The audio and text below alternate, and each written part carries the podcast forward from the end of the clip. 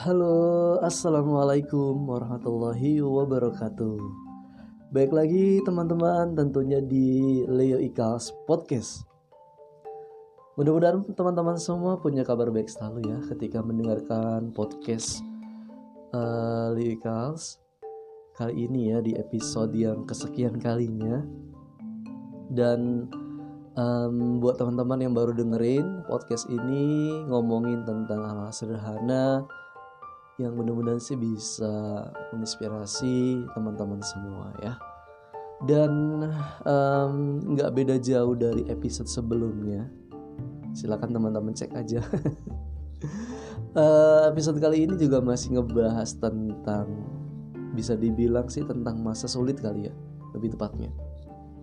Gimana caranya menghadapi masa sulit supaya kita bangkit gitu kan. Nah sesuai dengan judul yang mungkin sudah teman-teman baca dan mungkin juga gara-gara judul ini teman-teman penasaran gitu kan. Yang lagi ngerasain uh, bener-bener lagi di masa sulit gitu kan. Sama sepertiku juga sekarang yang luar biasa. Tapi harus dijalani dengan uh, sebaik-baiknya dan tetap berusaha. Karena satu hal yang harus menjadi penguat kita di masa sulit ini adalah masa penentuan teman-teman. Kalau teman-teman menyerah tentunya akan sampai di sini saja. Tapi bila teman-teman bisa melewati masa sulit ini terus berusaha terus berdoa Insya Allah mudah-mudahan ke depan akan ada hal besar yang sedang menunggu kita semua yang sedang berada di masa sulit ini ya. Masa sulit ini tentunya teman-teman gak cuman kita doang kok yang merasakan. Orang-orang hebat yang kita kenal hari ini pun sudah pasti mengalami masa-masa sulit yang bahkan itu jauh lebih sulit jauh lebih menyedihkan mungkin jauh lebih rumit dibandingkan yang sedang kita rasakan hari ini teman-teman. Makanya satu tidak boleh bersedih karena masa ini pernah dialami juga oleh orang-orang sebelum kita, orang-orang yang sudah sukses yang kita kenal hari ini. Yang keduanya, masa sulit tentunya mengajarkan kepada kita untuk lebih kuat. Karena dunia tentunya akan lebih keras kepada kita. Makanya Tuhan menghadirkan masa sulit kepada kita supaya kita menjadi manusia yang lebih kuat teman-teman. Jadi kalau teman-teman rapuh gitu kan karena masa sulit berarti ya teman-teman tidak sekuat gitu kan yang mungkin uh, sudah Tuhan rencanakan di depan. Tapi sudah ada rumusnya kan bahwa Tuhan itu tidak akan memberikan beban kepada manusia kepada kita kalau itu di luar dari batas kita karena pastinya segala beban segala masalah segala uh, hal-hal yang sulit gitu kan itu tidak akan uh, melebihi beban melebihi batas dari kemampuan diri kita. Kalau Tuhan sudah titipkan masa sulit kepada kita berarti Tuhan juga sudah titipkan potensi sudah titipkan energi untuk bisa melewatinya. Ya saya bukan ngomong aja teman-teman ya. Karena memang sengaja uh, saya tumpahkan di podcast ini yang bisa jadi podcast ini walaupun tidak didengar siapa pun ini podcast adalah untuk diri saya sendiri. Masa ini masa ketika membuat podcast podcast ini adalah masa yang bisa dibilang sulit juga yang sedang saya jalani. Masa-masa sulit lah tahun-tahun terakhir ini teman-teman. Yang luar biasa gitu kan. Ah luar biasa lah pokoknya ya. Tapi saya bukan surat teman-teman ya. Justru dengan hadirnya podcast ini teman-teman saya ingin menguatkan diri sendiri menguatkan teman-teman apabila teman-teman nih saat ini mendengarkan podcast ini. Yuk mulai bangkit dari uh, masa sulit ini dengan terus berusaha. Kalau teman-teman sedang mengusahakan sesuatu ya bisa jadi kegagalan yang teman-teman alami saat ini itu merupakan sebuah sandungan aja. Seperti yang uh, sebuah quotes mengatakan apabila satu pintu tertutup maka pintu yang lain akan terbuka gitu. Kalau gagal sekarang mungkin hari esok akan ada kesempatan yang jauh jauh lebih besar teman-teman ya. Tapi kadang uh, kita nih teman-teman ya karena kita hidup di media sosial saya pun merasakan sendiri ketika um, membuka gitu kan di media sosial melihat teman kita yang mungkin jauh usianya dibandingkan kita jauh mungkin dari segi pendidikan maksudnya kita lebih dulu dibandingkan mereka. Tapi ternyata suksesnya lebih dulu. Sabar teman-teman. Ini tentang waktu saja. Ya kita jangan terpengaruh gitu kan dengan hal seperti itu.